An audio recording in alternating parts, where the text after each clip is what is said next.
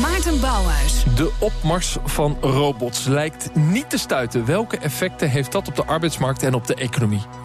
Je luistert naar BNR Gangmakers, het debatprogramma voor en door ondernemers. En je hoort een gesprek dat we hadden in juni bij B Amsterdam. Nou, zo tastbaar als een robot is, zo ongrijpbaar de vele werkprocessen die al door computers worden overgenomen. Het stelt werkgevers voor het dilemma. Zal ik het werk overlaten aan machines of toch aan mensen? Stelling 1. Robots leiden tot hogere werkloosheid. Ik stel mijn gasten aan u voor en zeg meteen of je het eens of oneens bent met deze stelling. Alexander de Roo, voorzitter van de Vereniging voor Basisinkomen. Ja, ik ben het met deze stelling eens. Leidt tot hogere werkloosheid. Eh, Tom Stuy, directeur van huisbedrijf Mondial Movers... en ambassadeur van het basisinkomen. Ja, ik eh, geloof daar ook heilig in. Uh, Bart Drent, uh, voorzitter MKB Amsterdam. Op de korte termijn ja, op de lange termijn nee. Oké. Okay. Pieter Molijn, directeur Molijn Trainingen. Oneens. Oneens met de stelling leidt niet tot hogere werkloosheid. En de gasten hier bij deze bijeenkomst in B Amsterdam... denk met ons mee, reageer via de interruptiemicrofoon... en dan horen we dit. En dan geef ik u het woord. Ja, is heel goed. Um, ja, uh, Tom Stuy, directeur van het verhuisbedrijf Mondial Movers. Uh, het leidt tot hogere werkloosheid. Ja, ik denk dat er heel veel banen verloren gaan op, uh, op korte termijn. Als we zien hoe snel het nu al gaat. Kijk even naar het wegtransport. Chauffeurs, hè, we hopen allemaal dat die auto's gaan rijden. Ik kan je wel vertellen, dus ja, het is duur, een zelfrijdende auto. Maar een zelfrijdende vrachtauto verdient zich in twee jaar terug. Ja. Waar gaan de ondernemers voor kiezen? Ja, we hebben natuurlijk al wel 300 jaar technologische ja. vooruitgang. Ja. En 300 jaar lang is er eigenlijk wel steeds daarna iets gebeurd... waardoor er nieuwe banen zijn ontstaan. Dus misschien op de korte termijn ja, maar op de lange termijn denk ik van niet. Ja, en wat is dan bij jou kort en wat is dan lange termijn? Nou ja, het kan vijf jaar duren. Kijk, als je bekijkt, aan het begin van de vorige eeuw... Was, was, waren er honderdduizenden mensen werkzaam in de agrarische sector.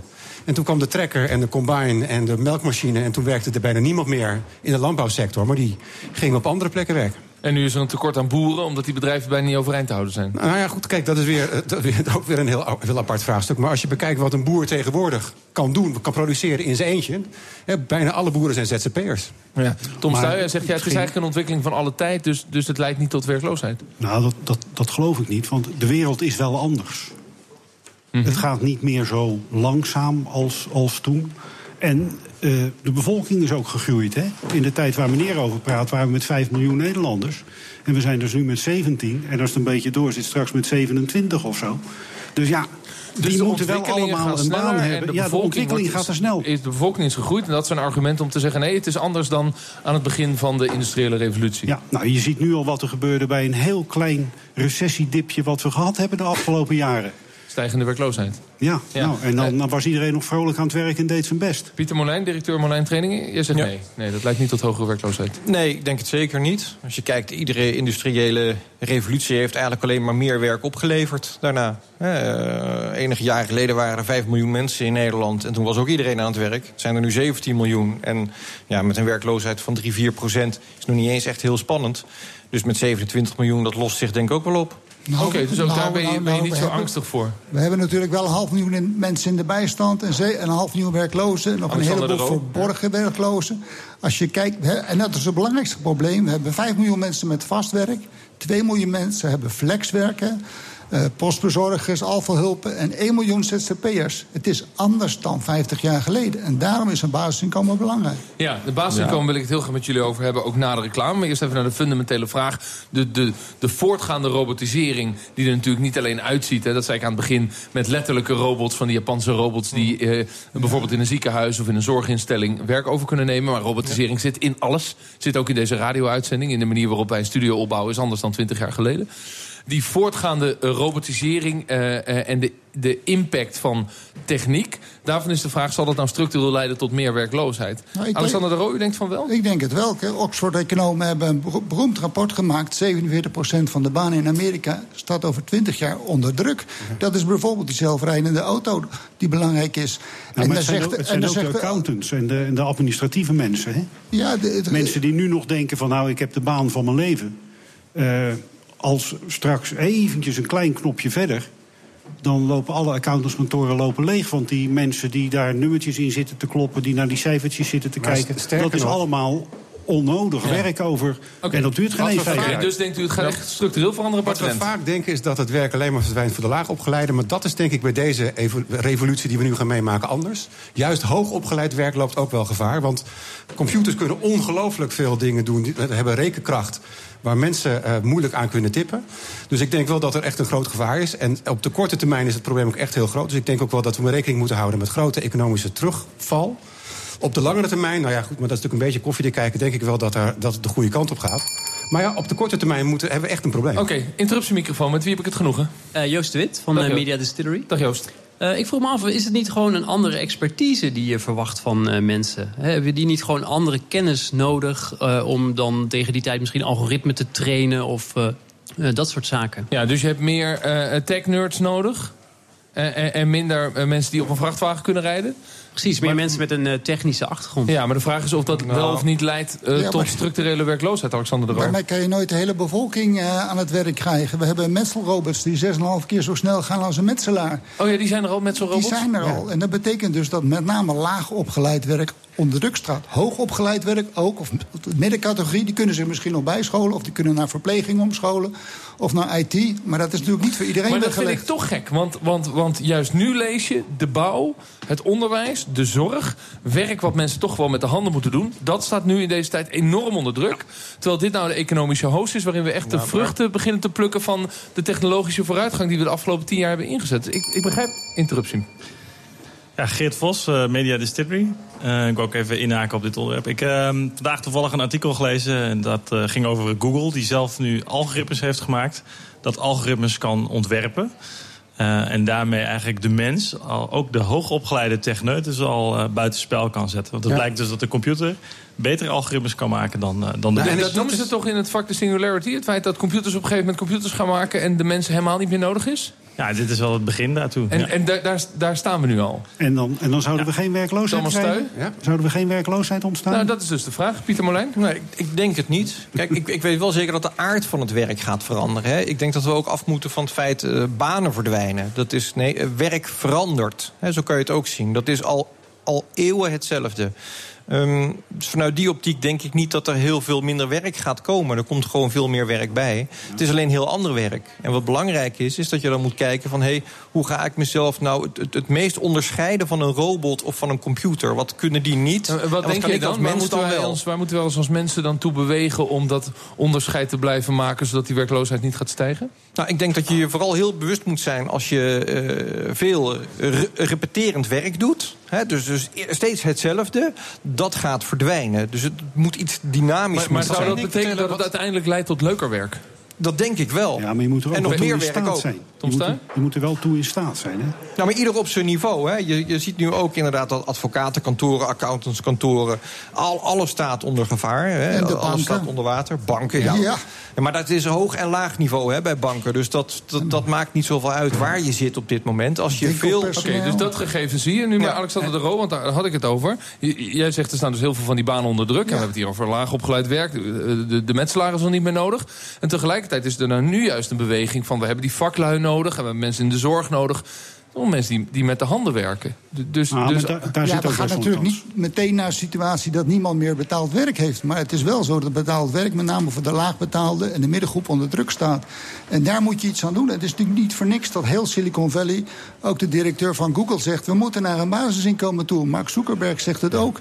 Er is geen andere manier om dat de vruchten van die robotten, de economische voortgang eerlijk te verdelen. Ja, Bart Het is denk ik wel goed om een paar dingen even op, op, op, een rijtje te zetten. Wat in ieder geval niet verdwijnt door de robots... zijn is hoog uh, gespecialiseerd werk in de zin van dat je hoog specifieke motorische vaardigheden nodig hebt. En dat Zoals zijn dingen, een luier verschonen? Zoals een luier verschonen. Want dat is namelijk voor een robot ongelooflijk ingewikkeld. Dus fouten halen uit een, uh, uit een bestand van duizenden cijfers. Dat is voor een robot hartstikke makkelijk en voor een mens heel moeilijk. Maar een luier verschonen, een bed opmaken, uh, een, uh, een spuitje geven... dat zijn dingen die een robot heel erg moeilijk kan. Ja, we en hebben het over komt... luiers en er rent iemand naar de interruptiemicrofoon. Ja, ja, zo. Ik zie hier een jonge vader op dit. Uh, Zoer van de Media Distillery. Ik ben het daar niet volledig mee eens. Want uh, je ziet nu tegenwoordig dat een uh, oogoperatie beter uitgevoerd kan worden... dan door een robot en niet door een mens. Dus hoe kijk je daar tegenaan? Nou, wat heel belangrijk is, is onder welke omstandigheden je dat kan doen. Dus hè, wat, wat, wat, wat nu al gebeurt, is dat je, dus, dat je ook uh, op afstand uh, de operatie kunt uitvoeren. Dus dan is er een, zit er een chirurg aan de andere kant van de wereld en die doet dat dan. Je hebt dus ook uh, robots die bepaalde hele gespecialiseerde ingrepen kunnen doen. Maar altijd op een, op een heel specifiek onderwerp, op een heel specifiek terrein. Ja, en stilstaand. Dus stilstaand. Een keuken stilstaand. aansluiten in, ja. een nieuw, in een nieuw gebouw is een stuk makkelijker dan een keuken ja. aansluiten in een, in een gebouw uit 1870. Ja, maar het grappige is dat hij zegt die oogoperatie kan de robot doen. Maar uiteindelijk die patiënt geruststellen, een kopje thee geven, terug naar bed brengen en zijn laken strak trekken. Dat kan dus een, daarvan zeg je dat gaat een robot nou, niet je kunnen. een aantal dingen die, die een robot misschien ook wel zou kunnen. Maar het, het interessante is dat een aantal dingen die we, waarvan we nu denken dat het laag geschoold is of niet zo heel erg hoog geschoold is, dat dat voor een robot ongelooflijk ingewikkeld is. Ja, Alexander ja. de Roo. En de vraag is dus. Um, zal dat werk toch niet op de een of andere manier misschien nog wel meer worden? Dat, dat werk waar die menselijke touch en die kleine motoriek nodig is... om het maar even heel letterlijk te houden... waardoor het wel mee gaat vallen met die, met die werkloosheid? Nou ja, als ik die studie mag geloven, staat 50% van de banen onder druk. Dat is niet niks. En de OECD dat, dat, zegt. Dat kennen we ook niet hoor. Wat? Dat ontkennen we ook niet. Nee, maar dat is dus wel gigantisch. Dat betekent dus dat die veranderingen door die robotisering steeds sneller gaan. Sneller dan wij tot nu toe gewend zijn. Ja, en ook en anders mensen, dan 150 jaar geleden. Ja, van de mensen en die de mensen kunnen niet bijbenen, ze, kunnen niet, ze kunnen niet omscholen op tijd. Dat gaat nee. gewoon echt wat problemen je, geven. Wat je niet moet vergeten is dat heel veel mensen kunnen die verandering ook niet bijbenen. Precies. In de maatschappij. Ja. Maar dat is je niet bent, nieuw. Je hebt een vak. Nee, dat maar, is dat, nieuw. maar dat betekent dat was wel... in 1930 ook zo. Toen kwam Ja. de elektriciteit ingevoerd. Dat was een ongelofelijke verandering. En we zijn een beetje geneigd om te denken van... nou, dat was, dat, toen ging het allemaal hartstikke langzaam. Maar voor Ja, maar je de de lagen in 1930 anders. Ja, maar Ik toen waren er echt- ook mensen die, die, die de Ja, snelheid de- misschien omhoog heb- vonden gaan. En dacht misschien ik, heb je af. Nog even gehoord over de crisis of zo. En eh, met z'n allen één, één, één aardappel delen met z'n vieren. En eh, één keer in de maand vlees. heb Als het gelukkig nooit meegemaakt. Zijn been afgezaagd had. Dat was natuurlijk wel echt de armoe. En moet, moet je terug naar die tijd? Dat denk ik niet. Nou, als robots dan ons werk overnemen, dat heeft gevolgen voor de prijs van werk. Is het basisinkomen dan misschien de beste oplossing? BNR Nieuwsradio. BNR Gangmakers. Mijn naam is Maarten Bouwhuis. Gesprekken over het basisinkomen worden al langer gevoerd... maar met de opkomst van robots krijgen de voorstanders meer voet aan de grond. Los je met het basisinkomen problemen rond werkloosheid op.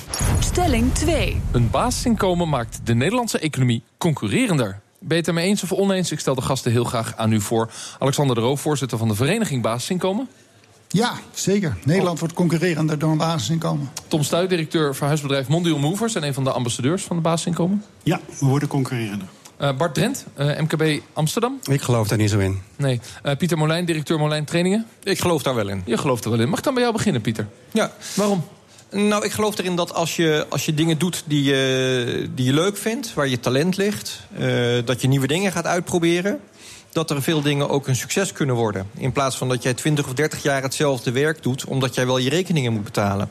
Dus ik heb het gevoel dat als er een beter vangnet is voor mensen, dat ze ook meer gaan durven om te ondernemen op het gebied van werk. Oké, okay, Alexander de Roo, dat roept ook direct de vraag op basisinkomen. Hoe zat het ook alweer? Uh, wat, is het, wat is het in de kern? Een maandelijks bedrag voor iedereen in Nederland waar genoeg is om van te leven, maar het is niet ruim. Oké, okay, maar is het dan meer of minder dan een huidige uitkering? Wat mij betreft wordt het 600 euro voor iedereen en elke woning 600 euro woontoeslag. Dat betekent alleenstaande 1200, precies het sociaal minimum volgens Nibud, met z'n tweeën 1800. En dan kan je de hele rest afschaffen. Wat bedoelt u met de rest?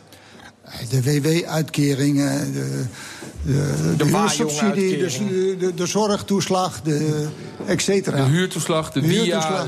Want, want die twee dingen, al die toeslagen zorgen ervoor dat mensen dus het minimum en modaal zitten vast.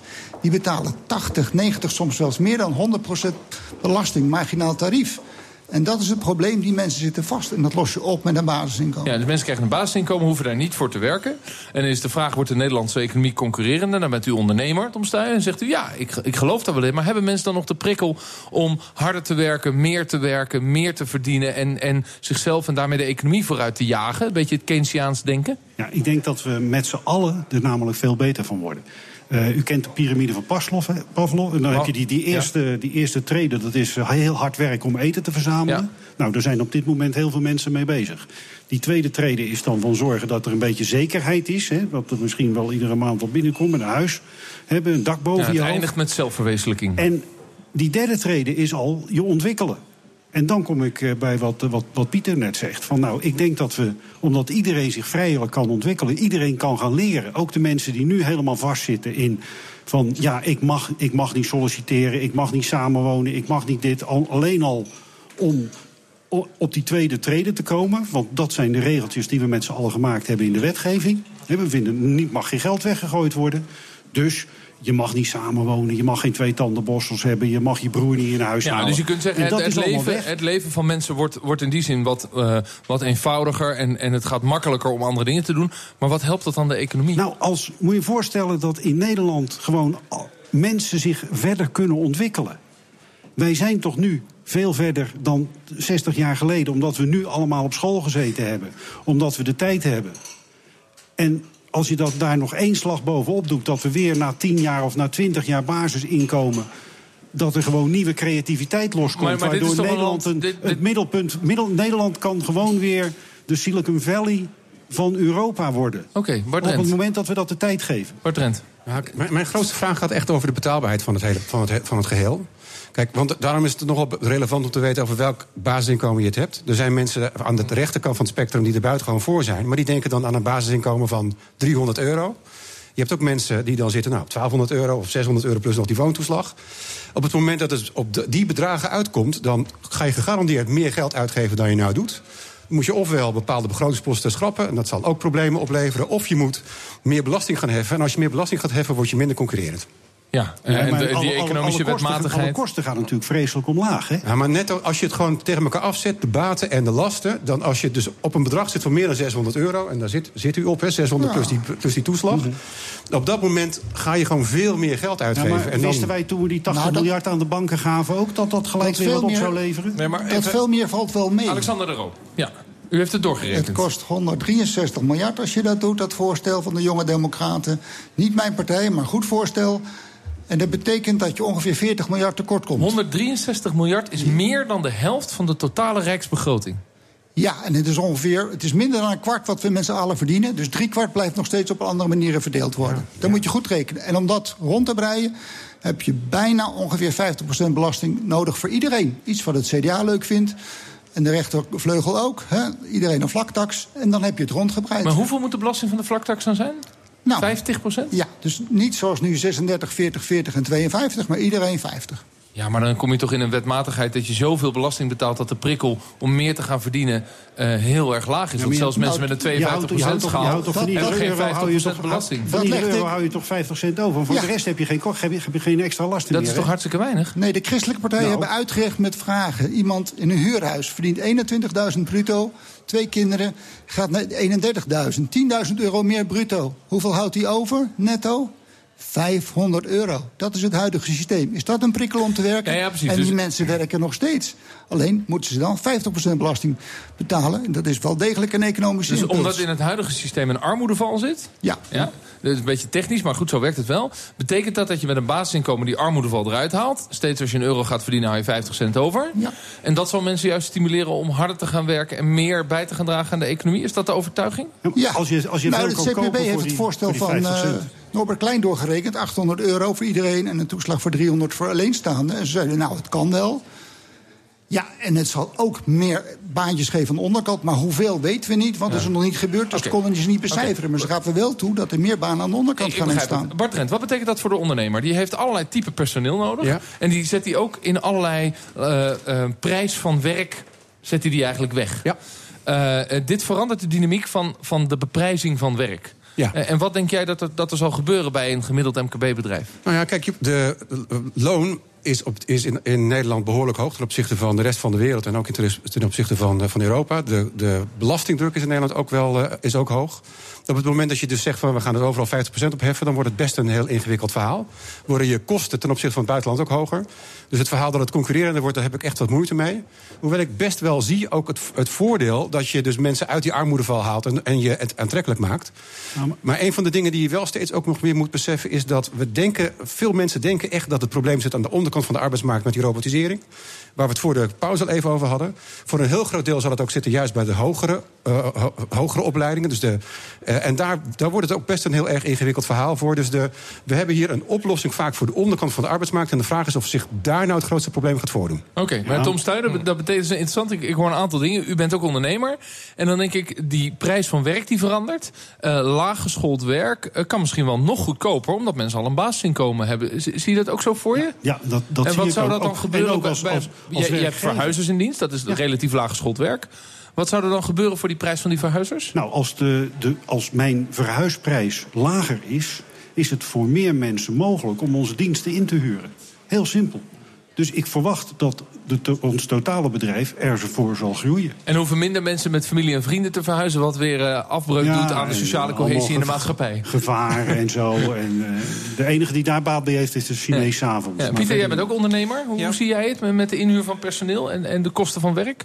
Nou, die, die kosten van werk vind ik wel interessant. Want jij stelt net dat die omhoog gaat. Nee, omlaag denk ik. Nee, omlaag. Ja. ja. Want je hebt dus een basisinkomen. Ik denk dat die. Ja, ja dus de, de gap om mensen om te gaan verdienen. om voor jou 20 uur uh, van hun tijd erin te gaan steken. Ja. Dat, kan ik voor minder geld doen. Want ik krijg al 1200 euro ja. van de overheid. Ja, maar dat... zit er dan niet een soort verrekenmodelletje in. Nee, nee. dit basisinkomen-idee van jullie? Alexander de Roo? Bedoel je een verrekenmodelletje? Nou, dat als je geld gaat verdienen, dat je basisinkomen op dat moment lager wordt. Dus dat je. Kijk, ik zie het basisinkomen echt gewoon als, als, als een uh, zekerheidsstelsel. Van, ja. van dit wordt jouw minimum. Ja, als oh, je dat even tegenzet. Zo is het niet, hè? Iedereen krijgt het altijd. Ook als ik miljonair ben. Basisinkomen is dat iedereen het krijgt, ja. Je en iedereen krijgt ook hetzelfde dan? Iedereen krijgt hetzelfde, ja. Ja, de minister-president okay. en jij krijgen hetzelfde. ja, betekent nou, dat is lullig voor mij. ja, maar goed. Dus, dus, dus dan zou je kunnen zeggen, ik verdien al 1200 euro. Nou, dan zeg jij van, joh, je kunt deze baan doen. Dan krijg je 600 euro in de maand. Ben je als ondernemer goedkoper uit. Ja, ja en je geeft iemand zin, zinvol werk, hè? Want vergeet niet, het, het gaat heel vaak gaat het gewoon ook niet om het geld.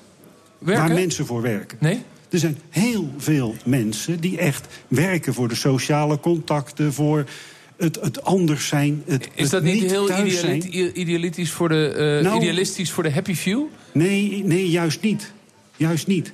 Ga, eens, ga, ga gewoon, loop eens een groot, groot kantoor in. Vraag eens een... Ja, vraag de schoonmakers waarom die werkt. Voor waar, zijn geld, waar, toch? Waarom? Nee, heel vaak niet. Ja, maar Ton, als je een groot kantoor binnenloopt... en je vraagt zeven van tien mensen, zegt dan... ik zoek eigenlijk ander werk. Omdat dat werk misschien niet helemaal gezellig is. Ja, maar dan doen ze het toch om het geld nog binnen te halen? Ze, ze blijven. En voor het geld, vindt, voor de hypotheek. Voor het geld. Want leuk vinden ze het vaak niet eens. Nee, moet je die mensen naar huis sturen en hetzelfde bedrag geven. Nee, nee, Worden maar dat dood ongelukkig. Ja, maar dat ja. is het aardige van dat basisinkomen. Als dat je basis is, je terugvalmogelijkheid... dan kan je vanuit daar ver... Dus, nee, kun je dus, nee, nee, dat is helemaal goed. Bart, Bart, Bart, ik ga even terug naar Bart. Dat is de bedoeling, denk ik. Zou je, zou je A, sneller van baan gaan wisselen? Wordt de prijs van werk inderdaad goedkoper? En, uh, of zijn er nog redenen om het toch niet te willen... als ondernemers een nou, basisinkomen? Kijk, ik, ik, geloof niet dat het heel veel makkelijk Met die vlaktax wordt, moet je ook als metselaar of iemand aan de onderkant van de arbeidsmarkt... moet je behoorlijk, uh, moet je behoorlijk wat gaan werken. Wil je er nog wat bij uh, verdienen? Precies. Dus daar heb ik. Maar wat ik me ook afvraag, ik geloof er niet zoveel van dat het basisinkomen, dit simpele principe, zo jarenlang blijft. Want er zullen een paar mensen zijn hè, die, die in staat zijn om erbij te gaan verdienen. Maar er zullen ook mensen zijn die niet in staat zijn om erbij te verdienen. Die helemaal op het laagste punt zitten. Die misschien ook ziek zijn, andere hoge kosten hebben. Ja, de kans dat daar weer aparte regelingen voor worden, zullen worden gemaakt is buitengewoon okay. groot. Dus binnen een paar jaar hebben we gewoon het oude systeem weer terug. Ja. Alexander de Rode, er is een enorme stroming van het basisinkomen. U bent zelfs voorzitter van een, van een club die dat wil aanjagen. Petitie aangeboden aan de Tweede Kamer. Uh, waar staan we in 2020 met dit dossier? Nou, als Finland het invoert, dan gaat Nederland als tweede overstag, denk ik. Is Finland het echt aan het invoeren? Nou, het is een uh, kabinet van de signatuur Rutte 1... met Wilders in de regering. Die hebben de proef uitgevoerd. En in, 2000... in een klein dorp, geloof ik, hè? Uh, nee, 2000 mensen in Finland krijgen het om te kijken... wat zijn de effecten op de arbeidsmarkt. Ja. En de andere partijen die willen het ook. En eigenlijk alleen de achterban van de VVD is kritisch. Maar zelfs de achterban van Wilders in Finland is voor... En in 2019 zijn de verkiezingen en dat zou wel eens uh, de omslag kunnen betekenen. Uh, we gaan het zien waar het eindigt met het basisinkomen... en de impact en de relatie met robotisering. Dat zal in ieder geval doorgaan, die autonome ontwikkeling. Ik dank mijn gasten hier in BNR Gangmakers. En onze gastheren natuurlijk. En de insprekers hier bij de microfoon. Dit was hem alweer, BNR Gangmakers. Bedankt voor het luisteren. Tot volgende week.